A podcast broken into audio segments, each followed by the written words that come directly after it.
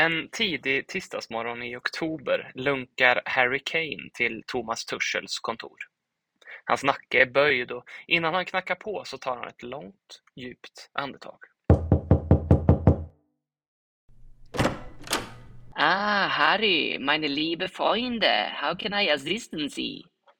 Um, so, obviously my old club, Tottenham. Ah, der scheiße Verein mit dem Kock.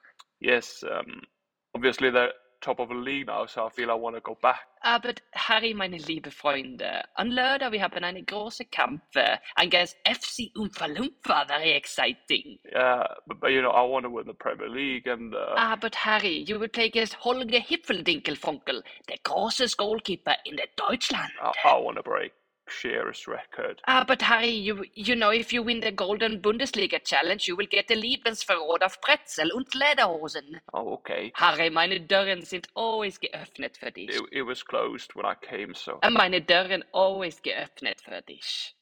Hi, this is Ledley King, and you're listening to the Ledley Kings Need podcast. Podcast. Podcast. Podcast. Konsekvent, inkonsekvent Det bästa som någonsin hänt. Du kommer aldrig bli dig själv igen min vän. Här flödar hybrisen. När vi poddar på nytt igen. Du kommer aldrig bli dig själv igen min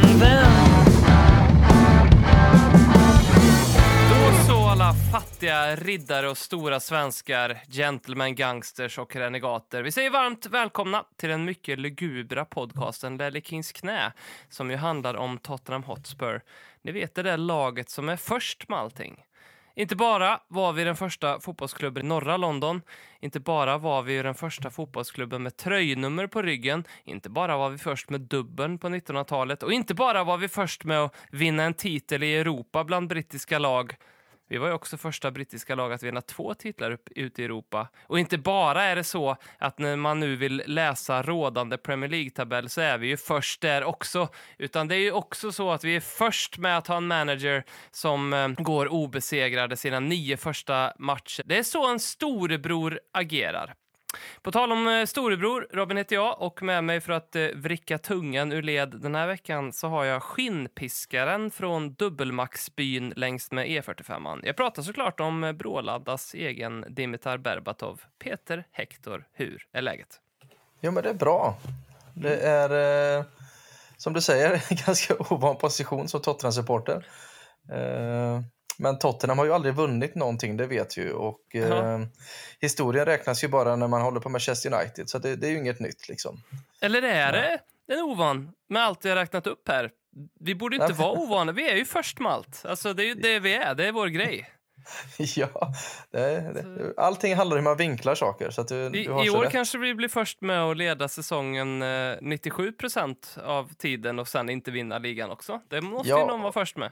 Och man vet ju fortsatt att, det vet ju sen när vi summerar säsongen, så är det maj, juni, när vi har blivit sexa, femma, då har vi ju liksom den största bottlers någonsin, det är Tottenham, som ledde serien i oktober liksom. Det, vi, vi har ju varit där förut. Så att Alltså, jag har- manuset, manuset är redan skrivet. Den tanken har jag tänkt i veckan faktiskt. Att, eh, Mm. För vi drog ju inga små växlar förra säsongen av att Arsenal eh, ledde ligan, vad var det, 92 procent av säsongen och sen inte vann Ja, ändå. Vi, vi kallar det för den största nedbajsningen i modern tid, vilket jag tycker tycker att det var. Eh, men, men, men, men man undrar ju hur, hur länge vi ska leda ligan och inte vinna den för att liksom Arsenal-fansen ska tycka att vi har sjabblat bort ligan den här säsongen. Ja, och all, allting är ju sagt lite med glimten i ögat och lite allvar, men skillnaden är väl ganska väsentlig med Arteta som har fått mycket pengar och fått bygga över ganska många år jämfört med Postecoglou som eh, får ärva ett väldigt, väldigt trasigt Tottenham och dessutom får sin talisman Harry Kane såld ett par Mm. dagar innan seriepremiären. Så att hur det här än slutar så, alltså jag, jag säger det fortfarande, skulle jag, någon lägga fram en fjärde plats på bordet idag så hade jag tagit den med en gång. Mm. Så att, eh, det är lite konstigt, men det är så är det. Hur är det själv Robin? Är det bra? Ja, men mig är det bra. Det är alla tiders. Vi lever ju småbarnslivet så att eh, liksom lägga barn. Skillnaden på Ja. dig och mig nu egentligen är att du har en kall öl framför dig, det har inte jag. Faktiskt en kall cider. Det är Ehm, en cider idag. ja, jag vet inte riktigt vad som flög i mig, men eh, en sån har jag köpt. Så att, eh, eh, Ja, Va- To- vad gör man Tottenham, ja, men så som Tottenham är nu, det händer ju någonting i kroppen så att jag, det är helt okej. Men i, i- vanliga fall så brukar det komma någon liten sån här äh, grej som Robin sticker in att eh, grilla folk. Så jag tänkte att Mm. idag är det fan med min tur så att jag kommer faktiskt ta det på uppstuds här nu. oj. Okej, jag ska Eh, bli grillad alltså. Ja, fast jag tänker ändå att det ska vara ganska snäll. Jaha. Eh, vi minns ju alla den här 9-1-segern mot eh, Wigan. Mm. Tottenham eh, slår Wigan med 9-1 den 22 november 2009. Jag vill att eh, du ska börja med att ge mig startelvan i den matchen, Robin. I den matchen? Mm. Oj, oj, oj. oj. Jag får ju köra med ehm, de som känns som säkra kort. Då. Eh, Jermaine Defoe ehm, spelade uppe på topp tillsammans med...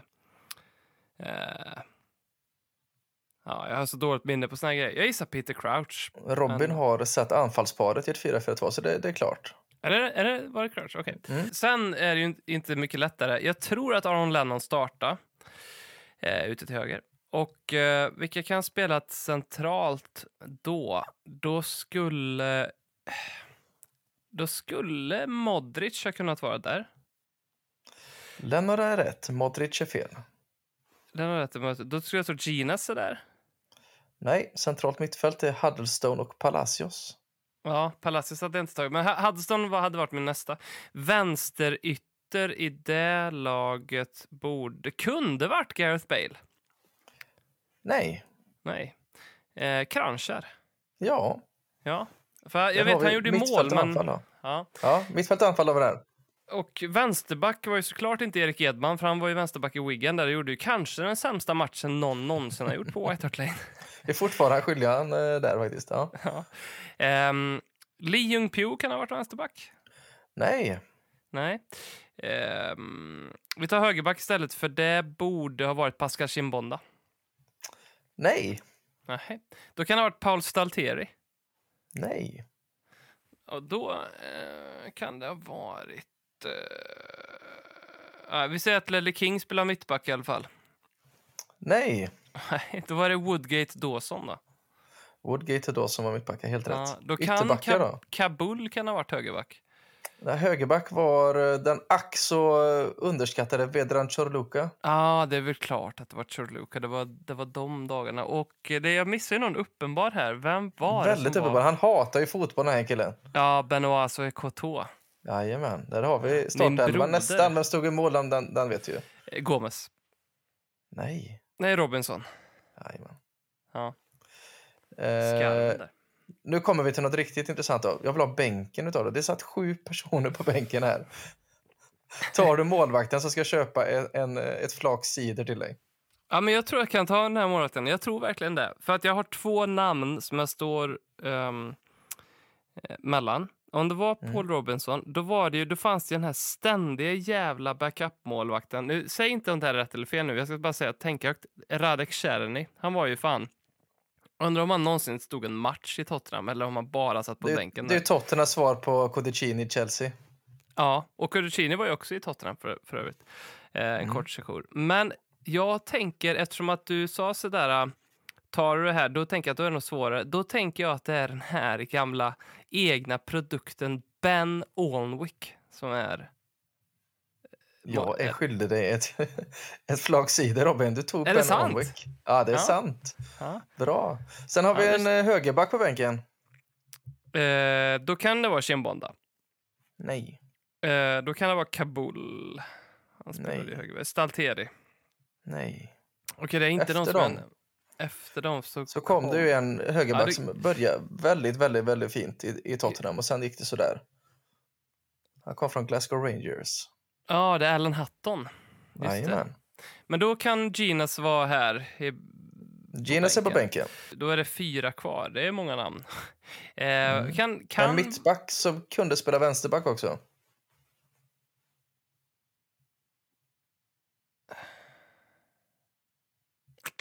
Eh, vad heter han? Friars? Kan det ha varit han? Nej. Nej, en bra gissning. En väldigt bra gissning.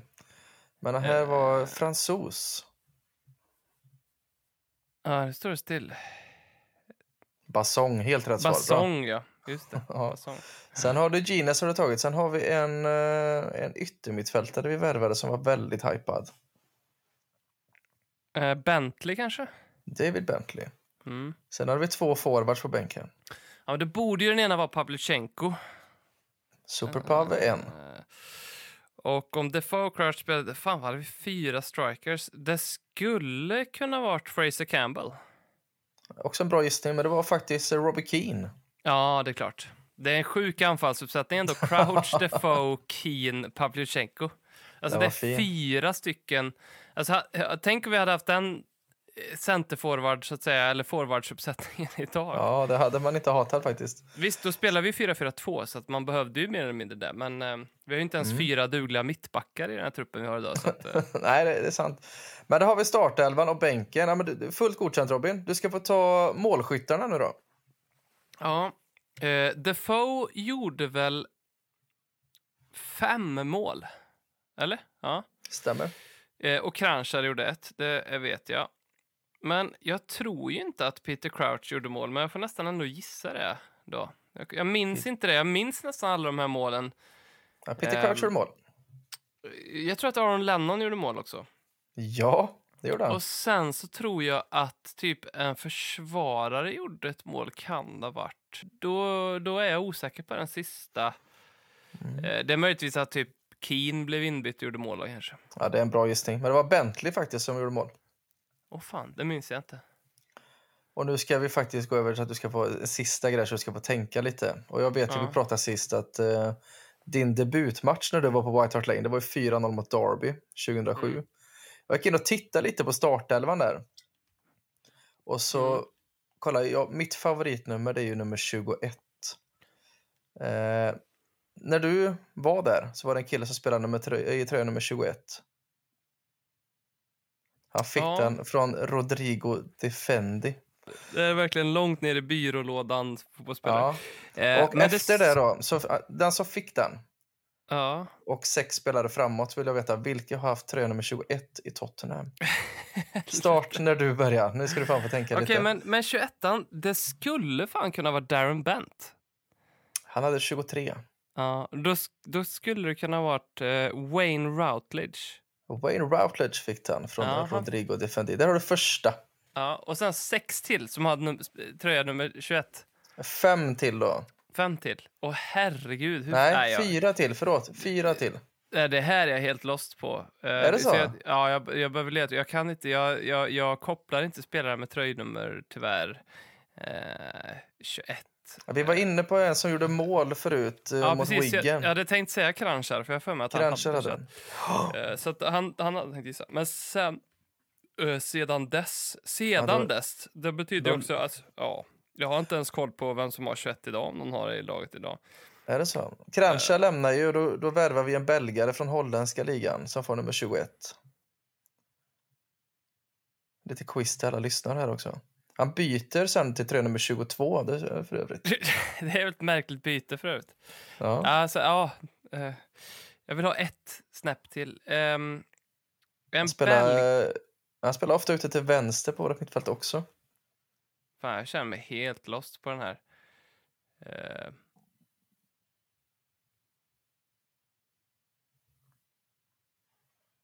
Nej, du får hjälpa mig.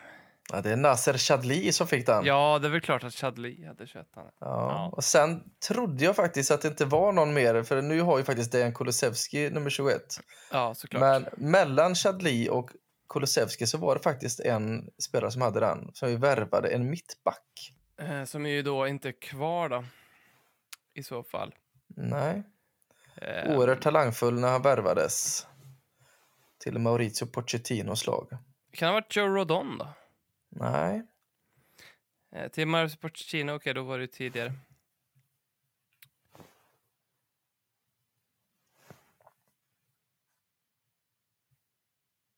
Jag hade Sanchez, Dyer. Man glömmer faktiskt den här spelaren. Jag tänkte på det idag när jag, jag såg namnet. Man, man glömmer den här spelaren lite, trots att han var oerhört talangfull. Jag minns att jag tog ett direktrött mot var det Crystal Palace borta eller någonting. En sula rakt in, blev utvisad i, runt halvlek. Jag, jag vet ju garanterat vem det är, men jag, bara, jag kan Ja, inte... det vet du definitivt. Nej, det är Juan Eh, Foyt. Ja, det är klart. Juan Foyt, ja. Jajamän. ja. Så det var, nu var det min tur att få grilla dig lite Robin. Det var skönt Ja. att få igen. Jag tyckte att startelvan och målskytt hade fullt, fullt godkänt. Tröja nummer 21 eh, under all kritik, men det... Ja, verkligen. Eh, men jag, jag, fäst, jag, ja, men som sagt, jag fäster inte så mycket med tröjnummer. Jag hade, inte, jag hade tagit, det hade tagit mig en bra stund att lista ut att Kulusevski har 21 idag. Är det så? Det, ja, ja, det, där, det där sitter inte. Åh, fan. Eh, jag, titt, jag vet inte. Jag, jag, det fäster inte på mig. Men ehm, ändå en kul trip eh, ner memory lane. Visst var det väl så att uh, Wigan-matchen så ehm, ledde vi typ 1-0 i halvtid, va? Ja, jag tror så 1 i halvlek och så, Så vi gjorde vi gjorde åtta åtta i andra. mål en hel Mm. halvlek. Det är inte så dåligt. Ja, det är där man minns alltså Tottenham Reading och jag minns ju att jag hade en gammal telefon där man inte hade som i dagens samhälle och kunna gå in och kolla livescoren direkt. Så att jag, jag satt i bilen med min telefon och så loggade jag in på internet så här, och så kollade jag livescoren när Berbatov gjorde fyra.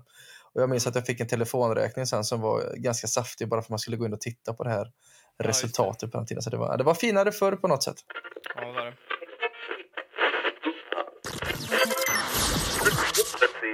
Du lyssnar på Ledley Kings knä. Du kommer aldrig bli dig själv igen. Men du, eh, vi bjöd ju in eh, 60 000 pers här till eh, Storbritanniens bästa NFL-arena, Tottenham Hotspur Mm. Stadium, för att på veckans eh, tråkigaste dag bevittna slakten av fulskinkan, det enda laget i, i Premier League som haft Michael Jackson stående utanför arenan i två år.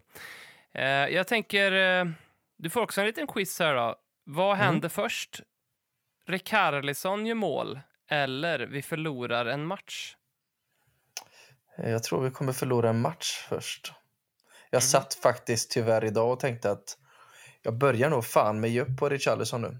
Jag satt verkligen igår och tänkte att så lugn som jag var i en Tottenham-match igår, alltså jag vet inte när jag var det senast, det bara kändes på något sätt som att vi, vi, vi löser detta. Och de som känner mig, och du bland annat, jag är väldigt sällan optimistisk när det kommer till Tottenham Hotspur. Eh, men jag satt verkligen och tänkte att jag hoppas så mycket att Richarlison ska få göra mål. Men det, det är så långt därifrån och framförallt när han spelar ute till vänster som man gör. Och vi hade lite kontakter under matchen igår, du och jag, att man ville ett tag att vi skulle switcha position på dem när vi tryckte ner dem, att sånt skulle kanske utgå lite mer från vänster och, Mm. och ha Richarlison centralt i boxen. Där. Det kom aldrig, men jag, jag börjar snart ge upp hoppet att, eh, att, att det kommer lossna. Och det är väl framförallt det som gör att jag inte tror att vi hakar på i den här titelstriden. För hade vi haft Son i den här målformen, hade spelat ute till vänster, vi hade haft en Harry Kane i sin traditionella form, då hade vi varit farliga på riktigt. Men idag är vi är Richarlison iskall och, och Kulusevski ser vi igår, han har läge att, att göra mål, han håller inne skottet och vi är för trubbiga i de situationerna. Det är det som kommer fälla oss tror jag. samma nedärvda cynism eller pessimism, om man ska kalla det så, som du har när du säger att du sällan tror på Tottenham Hotspur, har jag också. Och eh, när jag satt och kollade på den här matchen och vi ledde med 2-0 och det kom sju minuters tillägg, då är det ju liksom någon form av liksom reptilhjärna Du skrev det, sju minuter, Ja. vad, händer? som bara liksom, ja men det här kan ju inte gå. Alltså man är bara så här, man, det är inte, man känner ju inte det där, den här, vi har vunnit, alltså här, ibland har man den känslan, vi har vunnit den här matchen liksom. Men, men, men jag, har, jag har väldigt sällan det, eh, även om det är väldigt uppenbart som det var mot Fulham, att vi var på vägen mot en seger, alltså från det att vi gjorde 2-0 målet eller från det att vi gjorde 1-0 målet. Det var liksom inte så mycket att tala på något annat. Ehm, men det är kul, alltså vad är det som kommer att vända på det där egentligen? Att man blir en optimistisk Tottenham-supporter. För det har ju att göra med alla år av eh, dret och uddamålsförluster i sista minuten och eh, att vi leder 3-0 hemma mot eh, Manchester United på White Hart Lane och ändå lyckas förlora med 5-3. Alltså det har ju med alla de där grejerna som jag på något sätt, jag vet att alla, alla lag har sådana där, men jag vill hävda att Tottenham har fler. Och eh, uttrycket Spursy finns ju av en anledning. Alltså det finns ju inget annat lag som har ett sånt epitet som är att, att sjabbla till det lite grann. Eh, så jag, jag, undrar ju, vi kan ju ha det som en stående fundering, eh, vad krävs det för att vi eh, ska tvätta bort eh, Ja, men om du vänder på känslan? det, nu, minns man ju ganska många sena vinster. Vi har ju Lucas Mora, vi har Harry Winks i slutet mot Fulham, vi har Bergvines otroliga i, i slutet, vi har Mot Keynes Leicester. i slutet mot, Mm. sist, äh, mot City. Alltså vi har ganska många där vi har avgjort senast, Absolut. eller väldigt sent. Om du kan dra dig tillbaka i minne du då, vilken är den senaste du minns där vi torskade i slutet och det gjorde ont på riktigt? Nej, du ser. Nej, nej. Spursy is gone. Ja, kanske. Ja, I alla fall nu. I alla I alla fall. fall nu. Men eh, hur ska... um, Eller ja, Rickarlison pratade vi om. Jag vill bara stanna där med att eh, jag tycker ändå att han... Jag tycker ändå att han... Han är en jättestor flopp, låt oss vara ärliga. Han kostar 70 miljoner eller 65 miljoner pund eller vad det var. Och vi köpte ju han för att han skulle göra mål. Förra säsongen, låt gå. Alla var dåliga, typ, förutom Harry Kane och Hugo Lloris, mer eller mindre. Eh, och Harry Kane kan man liksom inte peta. Så att, okej. Men den här säsongen skulle ju vara hans säsong. Och eh, han borde vid det här laget, i ett sånt här högflygande lag, ha gjort eh, fyra, fem mål. Eh, kanske, ja, fyra, fyra mål i alla fall. Då hade det varit liksom grönt allting. Men, eh, men det som ändå talar för honom tycker jag lite grann, det är att kanske man behöver omvärdera honom hans roll i laget lite grann för att han gör ändå ett väldigt stort jobb. Så han är inte Ja, den det, det arbetet han la ner igår var otroligt. Ja, verkligen. Ehm, han, han springer och kämpar väldigt mycket och är jävligt jobbig att möta för han är ju stor och stark och tung och sådär. Så att, och det jobbet gör han också när han får starta där uppe. Men de Ehm, har fått den snedvridna bilden lite av honom att han är en mer traditionell nia i Brasilien. Mm. För i Everton, visst han spelar nia där, men var mycket ute på kanten också. Är det lite snedvriden bild eh, utav det hela, eller vad, tror du? Ja, kanske. Men ehm, det, det, det är ju ändå någonting med hans aura och det man har sett av honom i Brasilien och Everton är ju att han, han ska ju vara en striker, han ska ju, han ska göra mål. Det är ju liksom, man ser det på honom att han, eh, han blir ju fullständigt, i, mo- mot Luton var det väl och sen så var det väl någon annan match också när han missade, på, han hänger med huvudet direkt. Man, man Mm. ser ju att liksom han, han är ju där för att göra mål på något vis. Så ändå kudos till honom att han, att han går in och tar ett eh, sånt grovjobbsarbete ute till kanten. Men både du och jag tror jag var lite förvånade över att inte han startade på topp. För det här var ju ändå en match som man på förhand eh, kunde tänka sig att vi skulle få eh, trycka ner Fulham lite grann. De, visst, de, de har Marco Silva som tränare och han vill, han vill spela fotboll.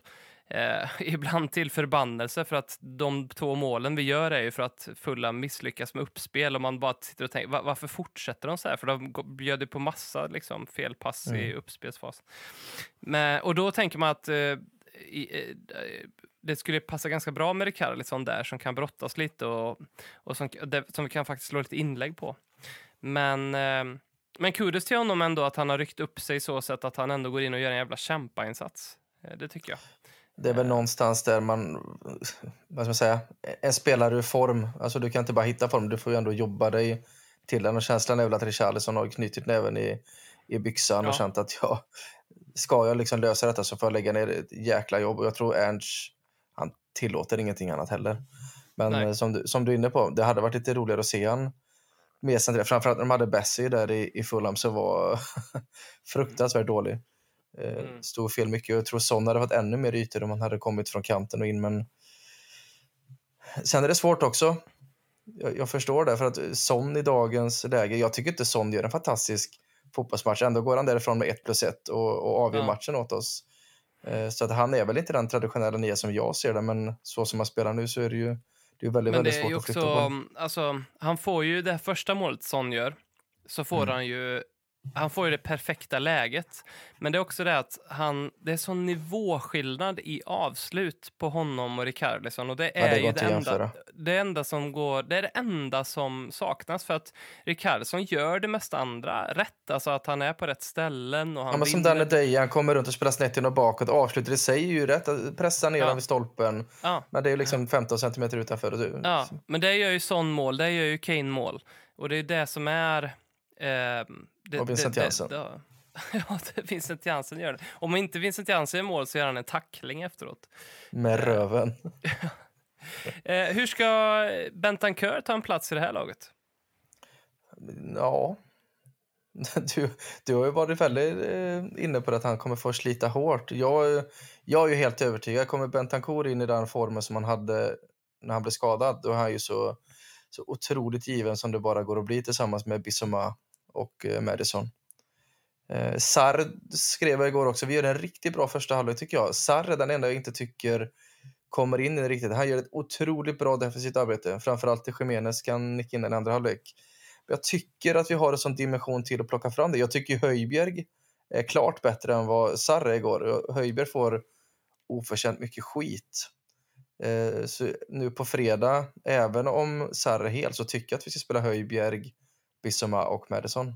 Jag vet att många inte håller med mig, men jag tycker att Höjbjerg är värd för att om vi vänder på det, hade Höjbjerg varit 20 och Sarr 27, då hade Sarr inte varit så här hypad och Höjbjerg så här nerpratad. Så att, eh, Bentancourt tror jag kommer att ha en ganska given plats om han kommer tillbaka i, i sin vanliga form. Ja, men det är väl det. Är väl det så här. Sen är det nog också att Höjbjerg har varit rätt tydlig med att han vill bort. Han har väl aldrig kanske satt i en intervju att han vill lämna Tottenham, men det har varit liksom det, det har läckt och vi, vi förhandlade väl med Atletico Madrid så, här, så att han, han tänkte väl sig nästa steg. Ja, det är ju ingen, det är ingen hemlighet liksom. Nej, så att, och det tror jag ju spär på det här lite grann. Men sen har ju Höjberg gjort allting, allting rätt han har gjort. Alltså i att han har, när han har kommit in så har han gett allting och gjort det väldigt bra. Mm. Och i den här matchen så gör han det fenomenalt bra. Alltså han är en av våra bästa tycker jag faktiskt.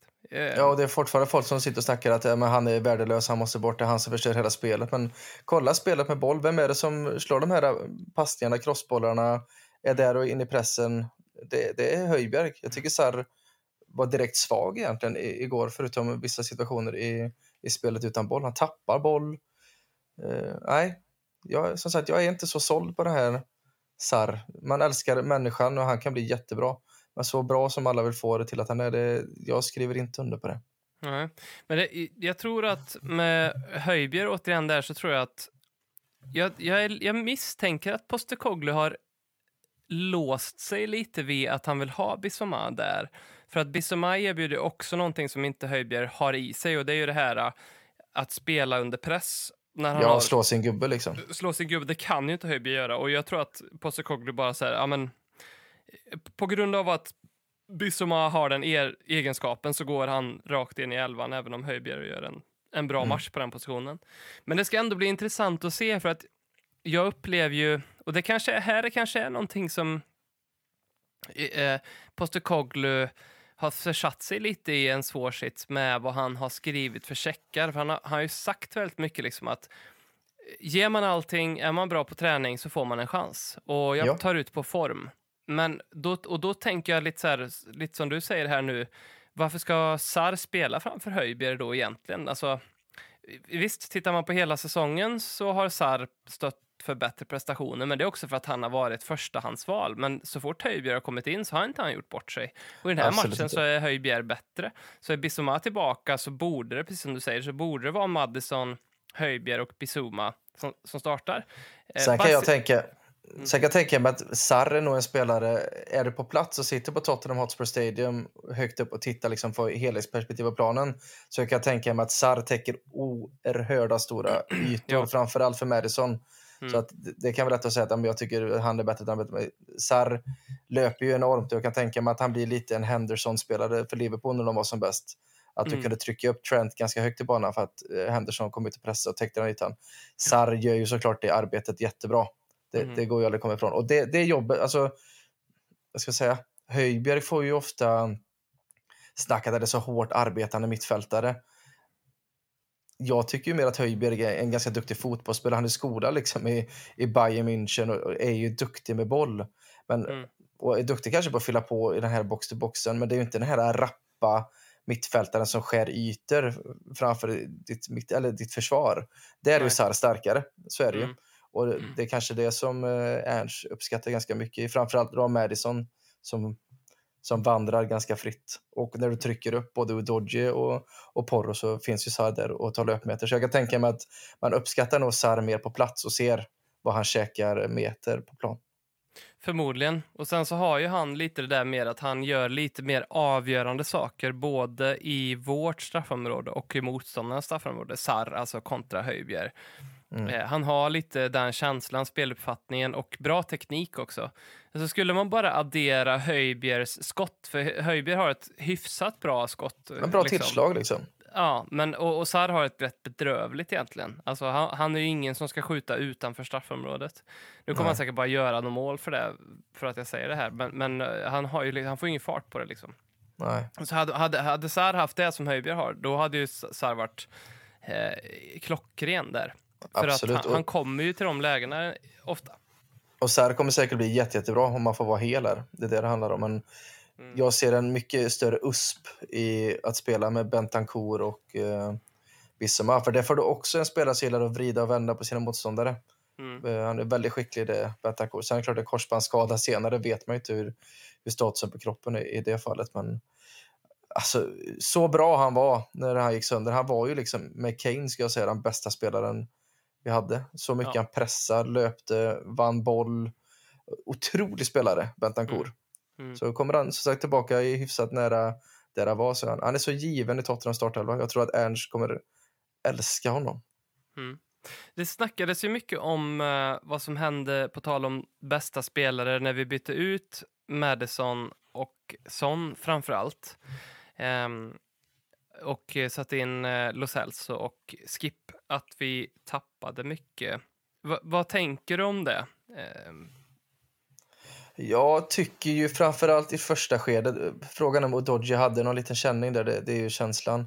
Jag tycker ju är- att du kan komma in som 20-åring från Serie A, från ett Udinese till ett Tottenham med ett helt nytt spelsystem och vara så fruktansvärt bra som han är i spelet med boll, i spelet utan boll. Jag tycker det är så många situationer där Madison kliver ner, vänder upp rättvänd och slår en stenhård passning, alltså en, inom situationstecken nu, en kompispassning på 40 meter som studsar och han har en i ryggen. Han suger emot den på ett tillslag, vänder upp till spelaren med fart. Han är stark, han är snabb, han är oerhört kraftfull i sitt spel. Så det, han är jag, jag finner inga ord hur bra Udoji är. Och sen när du väl plockar ut honom för att plocka in Emerson, alltså det, det, det är så skillnad på ja, fotbollsspelare. det och du blir en sån nivåskillnad. Ja. Ja, och du kan inte kräva att, eh, att Emerson ska kliva in i fickan och få en sten och passning och vända bort till spelare, för han är inte den här spelaren. Emerson är en jättebra högerback i ett 4-4-2 och när han ska försvara. Det går aldrig liksom att komma ifrån. Det är lite Chorluka-feeling på Emerson om du förstår vad jag menar. Ja. Han Och han kommer in och så gör han väl två bra blockar i den här matchen, alltså som kan vara Jajamän. faktiskt rätt matchavgörande när man ser det så. Absolut. Men, han, Men- men... så fort han springer in där i uppspelsfasen och ska vara den här defensiva mittfältaren, då är han ju bara vilsen. Ja, ja, det, det, det blir fruktansvärt. Sen flyttar de över till höger och Porro över till vänster, för Porro har ju ändå lite mer fötter. Eh, och det är samma när Skip kommer in. Sarr gör ingen jättematch, men Skip liksom... Det är några slarviga passningar. Han blir väldigt het på gröten in i pressen, blir bortvänd. Sen är det inte lätt heller. Killen är inte matchtränad. Han har ju inte spelat så mycket fotboll senaste heller. Men jag tycker ju att det blir en, en väldig skillnad. Det är samma med Lo Celso. Man ser hur mycket fotboll det finns inom, men det själva tempot och matchtempot framförallt finns ju inte riktigt där. Och skillnaden på han och Madison, det, det går ju inte att, jämföra egentligen. Så vi blir ju sämre. Sen vet jag att du var inne på det lite igår, att du tycker vi dippar lite innan de bytena. Ja, men jag, tyck, jag tycker att det blev lite för mycket skrivet om, eller tyckt om att eh, oj, att det är så stor nivåskillnad. För jag tycker inte att det är så stor nivåskillnad egentligen. Jag tycker inte att de här spelarna är så mycket sämre än så, så som det blev. För jag tyckte vi började slarva dippa lite innan det och Fulham växte in i det lite. Eh, Så de fick ju ett par chanser där, där det hade mycket väl kunnat blivit en reducering och en helt annan match. Mm. Så jag tycker det är lite hårt att säga att de är så mycket sämre. För jag tror att, eh, jag tror faktiskt att, mycket, att typ en, eh, det är lite otur att vi åkte ur ligacupen. För hade vi haft en, och kanske till och med en Europa League, så hade vi luftat de här spelarna mer.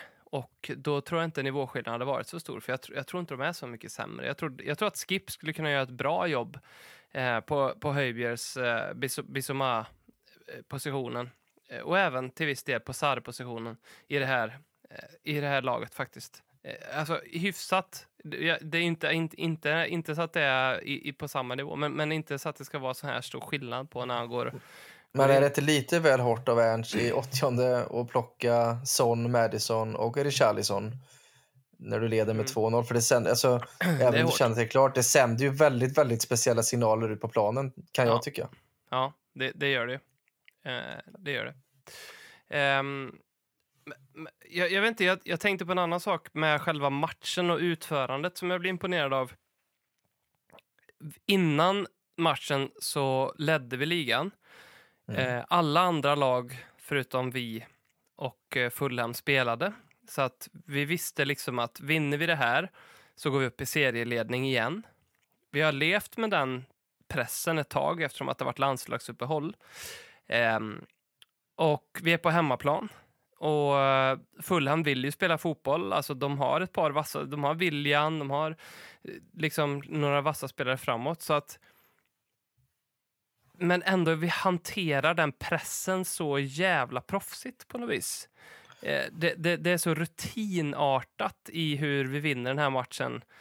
Även om, som vi nyss sa, liksom det här som man som ne- har nedärvt i sig som Tottenham-supporter, man tänker att snart kommer reduceringen så blir det här 2-2. Så, alltså, tar man, de, man satt ändå och, och såg liksom hur jävla tryggt det var. Ehm, Det är ju en karaktärsseger alla Manchester United i början på 2000-talet. Man går in och lite så. städar av det lite så. Ja, Det är lite oroväckande, är det inte lite det?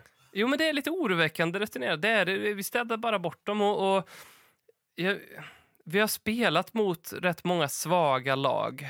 Eh, och vi har sagt det i den här podcasten flera gånger. Jag, jag är helt övertygad om eh, att vi inte kommer vinna ligan. Alltså jag, jag är Ja, verkligen det- det. det Jag, jag, jag, tar inte den tanken i huvudet. Jag, jag ser nej, inte nej, som... nej, nej, nej. Jag, jag tänker bara att det är jävligt kul att vi har fått en bra start. Men jag, jag kommer inte tro på det. Ja, men som vi sa senast, det, det spännande blir ju när vi ska möta ett City, Aston Villa, Newcastle.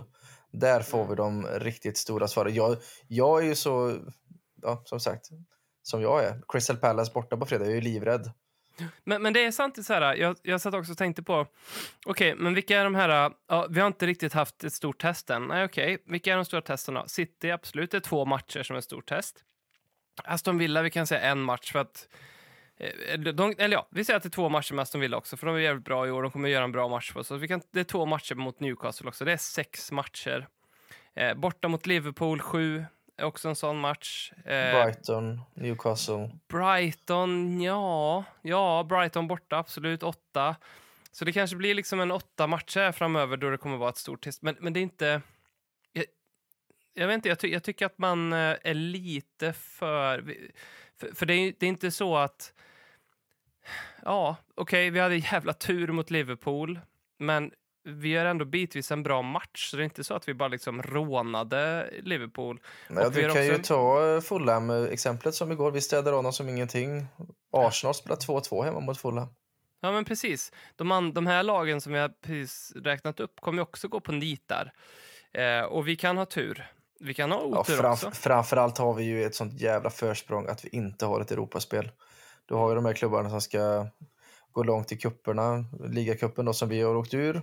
Och så har du Europa League och Champions League. Jag menar, ju längre framåt våren du kommer om Arsenal och, och City och Newcastle som är det kvar. Det är klart som tusan det kommer liksom bli ett annat fokus från dem jämfört med oss. Vi har bara lördagsmatchen eller söndagsmatchen att se fram emot. Ja. Och där kommer vi vara utvilade och ge 100% till. Men man ser det gärna som att liksom, ja, ja, men de har inte haft sitt stora testen. Och, och det stämmer på sätt och vis, för vi har mött de tre just nu sämsta lagen i ligan. Liksom. Eh, men det är också så att när vi väl möter de här lagen, då har vi dels vår geist med oss, vårt momentum med oss från den starten vi har. Så det är ett plus. Och vi har tiden med oss att vi har kunnat trimma in det här längre. Det hade varit en helt annan femma om City, Newcastle, Aston Villa hade varit, Brighton kanske också, hade varit lag som vi mötte i de 9-10 första omgångarna. Då, då hade, det hade kunnat gjort att eh, vi hade gått på pumpen och hade förlorat oturligt. Spelarna hade inte trott på det lika mycket. Ernst hade blivit osäker på vilka han skulle satsa på och inte. Alltså det, det, det är liksom många grejer som hade kunnat följt med det. Så mm, när vi sen nu möter dem så är vi också mer förberedda för det. Eh, Fulham-matchen är ju egentligen den första segern som är verkligen sådär, vi städar undan dem. Vi, vi, vi städar inte undan Sheffield United. Vi låg fan under till 112 minuten liksom. Mm. Eh, och Luton går liksom inte att säga så mycket om, även om en bra insats, men Luton är Luton, men, men, det var en... Ja, men jag säger det, jag är inte övertygad att vi hade vunnit den här matchen mot Luton med en man mindre borta om vi hade Mm. haft Conte och det var i mars. Liksom. Vi, jag tror inte vi hade haft den karaktären Nej, nej, som vi gör nu. Liksom. nej. Så att, något speciellt har vi absolut. Sen är det som BM har varit inne väldigt mycket på att Ernst är precis i början. Det kommer ta tid och på sikt kommer det bli bättre. Ernst var ju vansinnig efter gårdagens andra halvlek. Det var inte alls bra liksom. Mm, mm. Så att eh, vi kommer ta lärdom eh, Mm. utav detta. Men spännande, ja. Kulusevski lite kort. Eh, vad, vad tänker du om hans insats? För han sliter ju häcken av sig, men bli, man blir lite frustrerad på honom också, för det är någonting som saknas i sista tredjedelen. Ja, men han gör det så briljant fram till avslutslägen egentligen. Igår så, jag står ju typ uppe i soffan och har armarna i skyn för att han gör ju 2-0 där i det läget. Mm. Och, och så bara, men Dejan. Frågar, är det självförtroende eller är det... Jag vet inte vad det är för att som du säger, arbetskapaciteten är där. Han lägger ner flest löpmeter i hela Premier League mer eller mindre. Mm. Du kan alltid han spela gör upp- det. Han gör ja, och du, och du kan släppa upp bollen på, på Dejan. Han är alltid spelbar och även om man ofta vänder hemåt så får du vila med boll med Dejan för han, han tar kloka beslut. Men det var som jag sa i början där att har Richarlison och Dejan på kanterna, det är poängmässigt för lite för att vara och verkligen slåss där uppe om titlarna. Jag skulle inte vilja ut, byta ut Dejan Kulusevski just nu mot Brennan Johnson eller en hel Perisic eller något. Jag tycker det är rätt att Dejan spelar för han tillför så mycket i det laget, som, sättet som Ernst vill spela fotboll.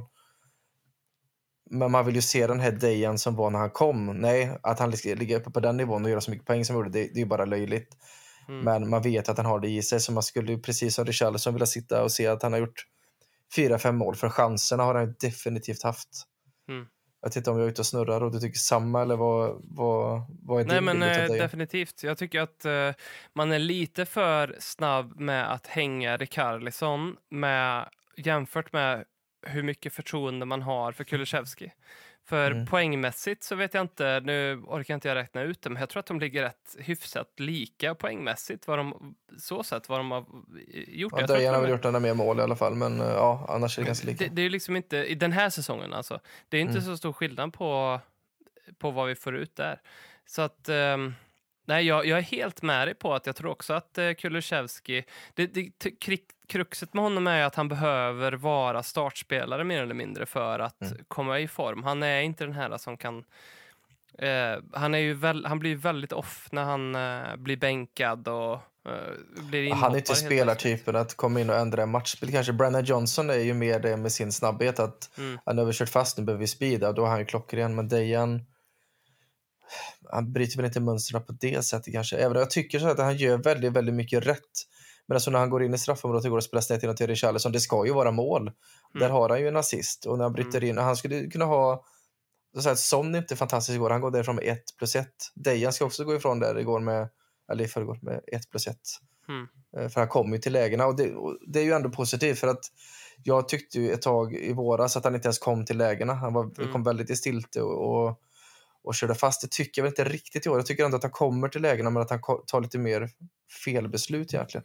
Ja, det gör han. Och sen så nästan som att han har blivit mer vänsterfotad än vad han behöver vara i straffområdet. Målet mot Sheffield United är med högerfoten, men sen så är, är det liksom som att han vill, ja, han vill, ha- han vill få det perfekt liksom.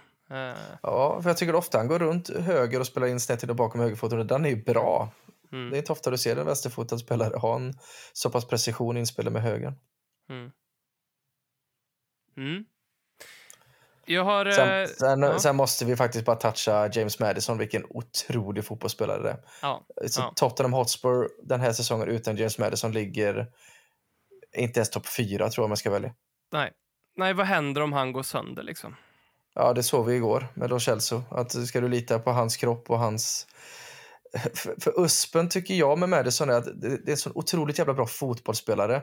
Men det jobbet han lägger ner, den snabbheten han har i pressspelet. Alltså Lo Celso är inte i, i närheten. Jag tror nästan att det är större chans att Dejan spelar i den positionen om nu Madison eller slash när Madison går sönder. För att Dejan Mm. har ju ändå pressspelet och lite fart i sig. Den har inte Lo Celso.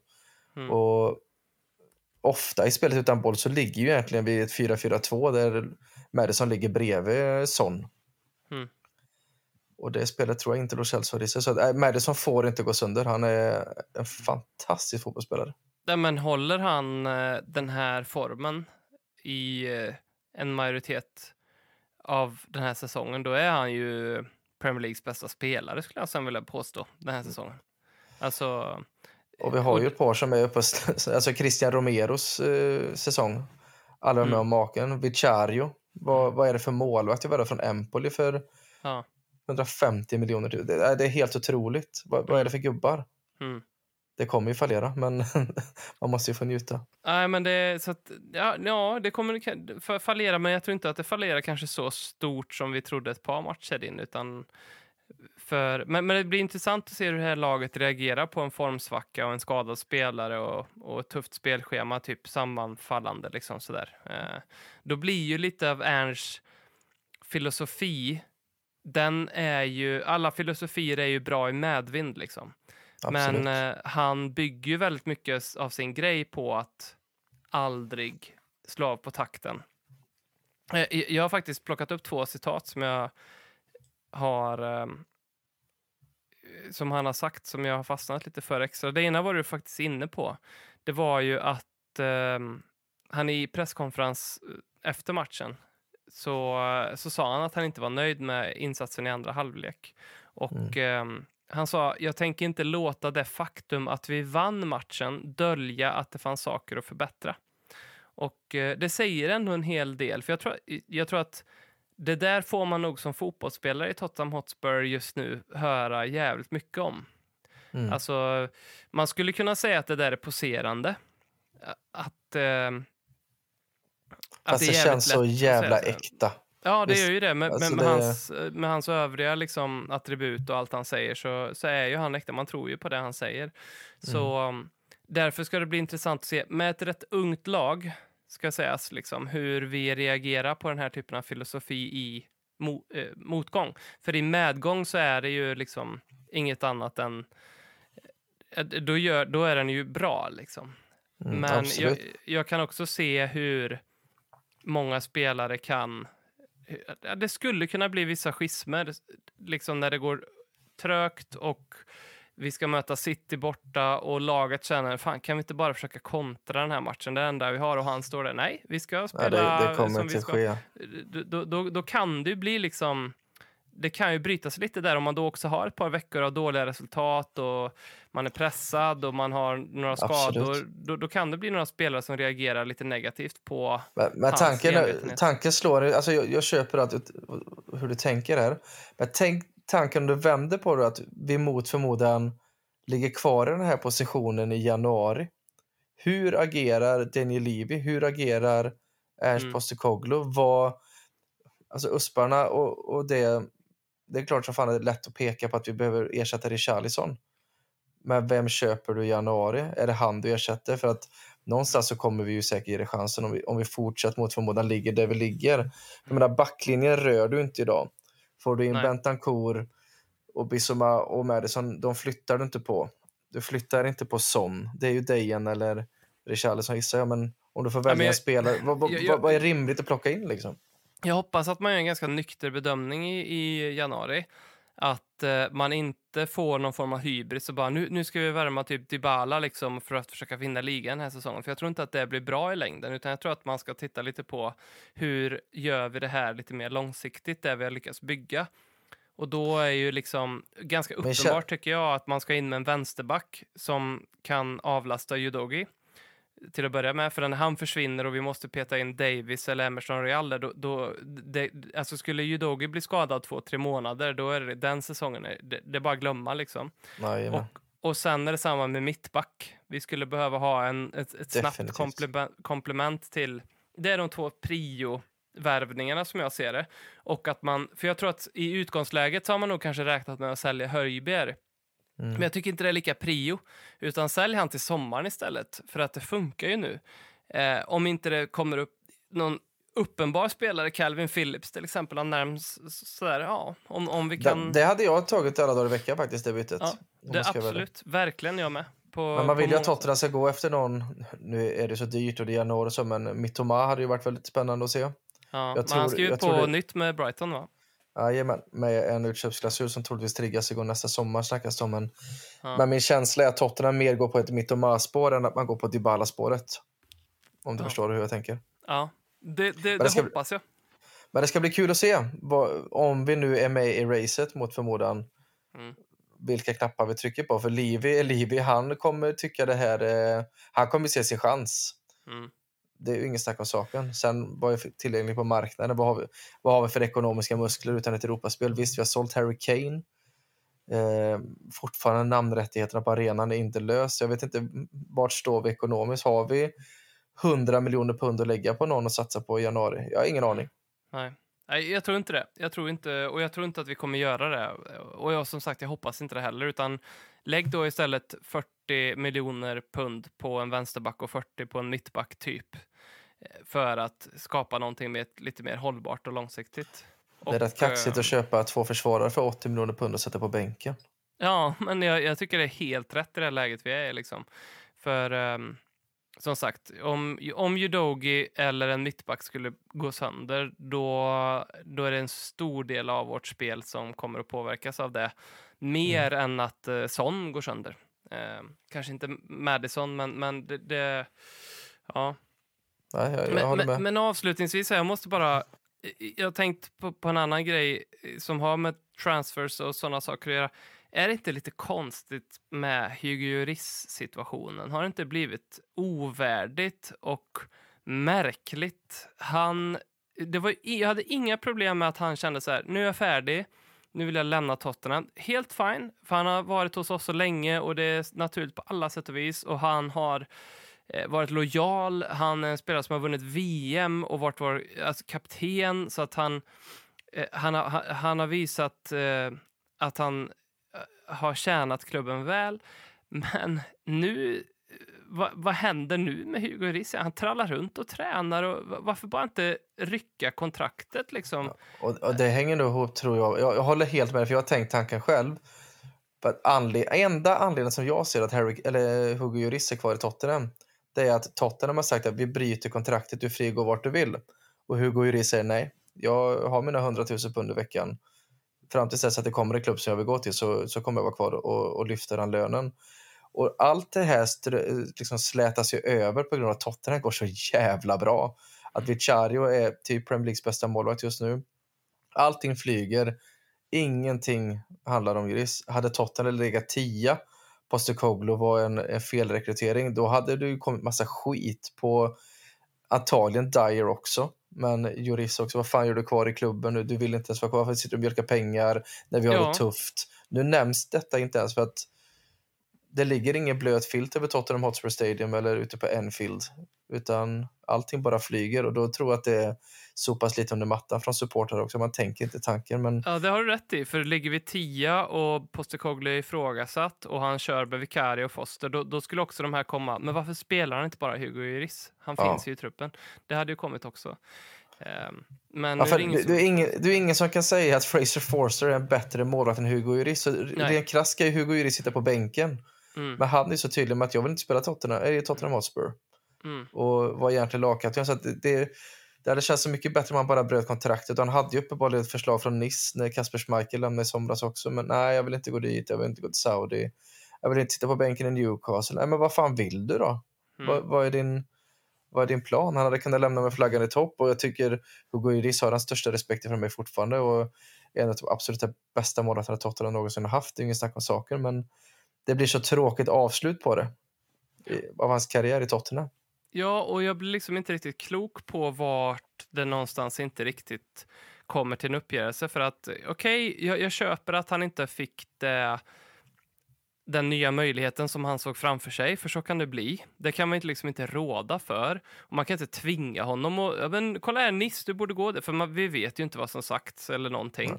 Så det, det, är- det är en sak. Men då är ju nästa grej, som du, alltså, varför är inte kontraktet drivet? Och då kan ju det vara av Ändras är det så att Tottenham inte går med på att riva kontraktet, för det innebär att Tottenham behöver punga ut Nej, om du river det, då, då, då är det ju att, det är det jag menar, river du är det att båda parterna är med på det, då släpper Ja, du honom. så Ska. Tottenham lösa ut honom, det är en helt annan sak, Ja. för då måste du pynta lönen.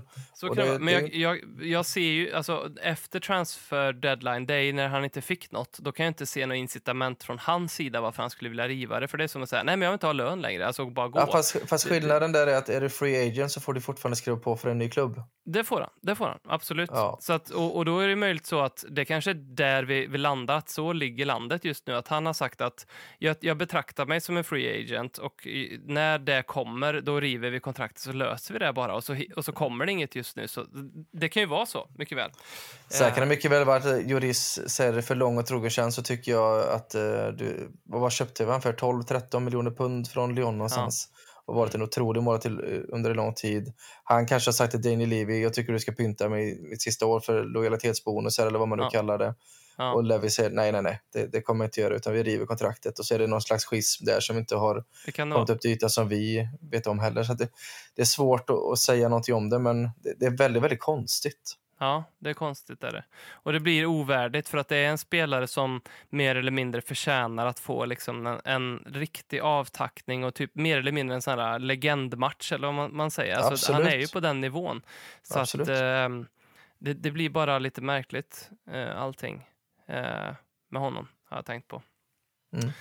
Ehm, också tänkt på att det var eller jag läste det, att det, det är kul att eh, Harry Kane-situationen löste sig så bra för alla parter. Det, det tänkte man ju inte på mitt i det, att det skulle bli så här att det blev jättebra för Kane och det blev bra för oss. Alltså det, det, det är det bästa möjliga outcome. Man, man såg inte det på förhand riktigt att Ändra så skulle Kane bli missnöjd, för att inte han fick sin transfer, eller så skulle Tottenham gå skit för att vi blev av med Kane. Det var typ det man såg framför sig, liksom, att Ja. något, något av det blir det. Men nu blir det bara Så- bra för allt. Du satt inte och kollade på matchen igår eller? På Galatasaray Bayern München? Nej, nej, nej, nej. Alltså Galatasaray mer eller mindre körde över Bayern. Det står 1-1. Jag tror det stod 15-4 i målchans eller något sånt där i, till Galatasaray. Tänkte jag, nu får du ju problem. Och sen stängde jag av och så 20 minuter senare kollade livescoren. Ja, men då har Kane gjort ett och spelat fram till ett och så vinner de 3-1. Man bara, ja okej. Då, Det Då är var lite igång svårt igen. när Davison Sanchez står, är mittback. en Dombele är petad i Galatasaray. Alltså, Ja, lägg ner din karriär bara. Är det någon jävel ska riva kontraktet på så är du där. ja. ja, för han har ju en hög lön också. Det har ju Hugo också. Men, men där har vi också två intressanta grejer. Jag menar, får vi bort dem så då på lönelistan får vi bort två stora poster. Alltså, eh, sen så ska man ju den, de posterna som frigörs på, på lönelistan, de är ju i paritet med att man köper någon för 100 miljoner ish. Liksom. Så då ska man ha de 100 miljonerna också såklart. Men det är är ju... in- Men, men om du, om, du- du får inte nämna jurist nu då, men eh, vilka tre tror du utöver honom då som Ernst tänker att de här tre kan jag lasta och plocka in spelare som jag kan förbättra truppen med i januari eller i sommar? Vilka, vilka ryker? Utan det här superuppenbara med jurist och Dyer liksom. Ja, men eh, utom, utom de uppenbara så Di- eh, ja, Dyer, precis. Sessignon känns ju... Jag har, jag har inte gett upp på Sessignon. Jag tror... För Va? jag, ja, nej, men för jag har... Utifrån föregående säsong så känner jag bara sådär att jag, det, det man presterade då... Nej, men jag menar med hans kropp. Man har ju gett upp Ja, hans kropp. nej, det finns ju absolut. inget att... Nej, absolut. Ur den aspekten, absolut. Och då är det klokt att säga det. Så han, han tror jag ryker. Men hans jag tror ändå att... det går ut 24 också va? Det vet jag inte. Jag tror Men, det. ehm, men han är en sån som vi bara kommer... Jag, jag tror detsamma kan sägas om Brian Schill. Ehm, och ehm, Ben Davis kan det ligga pyrt till kanske. Ben Davis kan nog ligga pyrt till också. Så att, eh, de, de Vad tror han nog- Skip då? Skip tror jag han håller lite på. För att han är hyfsat kompetent, för att han är egen produkt, för att vi behöver engelsmän i truppen, men, men eh, inte länge till. Eh, tills vi får en eh, homegrown eh, spelare att byta ut honom med, mer eller mindre. Calvin men jag tror att det Phillips. ligger, ja, det ligger nog ganska långt ner på priolistan. Liksom. Men visst, Mm. säljer vi Höjbjerg och får Calvin Phillips, då kan ju Skip ryka i sommar. Det, det ser jag definitivt. Och det är nog bra för honom eh, också. Vad tror du vi kan få loss Phillips för då? Ungefär. Inte en aning. Jag har ingen aning vad han är värderad till. Det snackas ju Höjberg runt 20 miljoner pund, Tottenham vill ha runt 30 kanske. ja. Vad, vad hade du varit nöjd med då om vi köpte Phillips för? Det är svårt att säga mer än 50 tycker jag. Nej, det är ju alldeles för mycket. Ja, men, men jag har svårt också, jag, jag har väl någonstans svårt att se att City skulle släppa honom för så mycket mindre. Eh, Men samtidigt, de måste också vara realistiska för vilka ska köpa honom för den summan. Det är inte jättemånga andra lag som kan lägga så mycket pengar på en, på en innermittfältare. Um, så att, eh, mm, nej, det, vi kanske har ett bra läge där faktiskt. Och han skulle ju, Calvin Phillips, han gillar ju verkligen, alltså tänk vad bra han var i Leeds under Bielsa som det finns mycket gemensamt med vad Bielsa vill göra med ett fotbollslag med vad Ange Postecoglou vill göra. Eh, Så Min känsla är att det eh, hänger ganska mycket på om Bentancourt kommer tillbaka eller inte. För ska vi Mm. ha Bentancourt, Madison och Bissoma och sen ska, ska du ha en Sar som man gillar att få in där och sen en Philip. Alltså, det blir trångt. Det blir Mm. väldigt trångt. Mm, det blir det. Så det hänger nog lite på våran gode Bentancourt där. Trångt är det också mellan matcherna nu. Vi spelade måndag mot Fulham, vi spelar fredag mot Crystal Palace. Vi får eh, se hur det går och sen eh, gör vi ett nytt Ledley Kings knäavsnitt. I vanlig ordning då försöker vi spela in på söndag kväll så att det kommer tidigt eh, måndag. Tack för att ni haft tålamod med oss. Eh, det har ju varit ett landslagsuppehåll, men sen också att vi inte riktigt kunde släppa det avsnittet på, i måndags, för då hade det krockat så mycket med fulla matchen då. Eh, så därav att det kommer ut nu. Och tack för att ni har lyssnat. Eh, tack för att eh, ni är eh, Ledley Kings knä. Och tack Peter. Tack själv Robin. Ha det gött. Hej! Hej. Du har lyssnat på ännu ett avsnitt av Ledley Kings knä. Stöd oss gärna genom att gilla och dela avsnittsinlägget. Vi hörs! Djupt i skogen i Värmeland Där kommer vår podd ifrån Konsekvent, inkonsekvent det bästa som någonsin har hänt. Ah, du kommer aldrig bli dig själv igen. När du lyssnar på radioteatern Nej, du kommer aldrig bli dig själv igen. Du ska inga andra poddar förutom Lelle Kings knä ha vid din sida.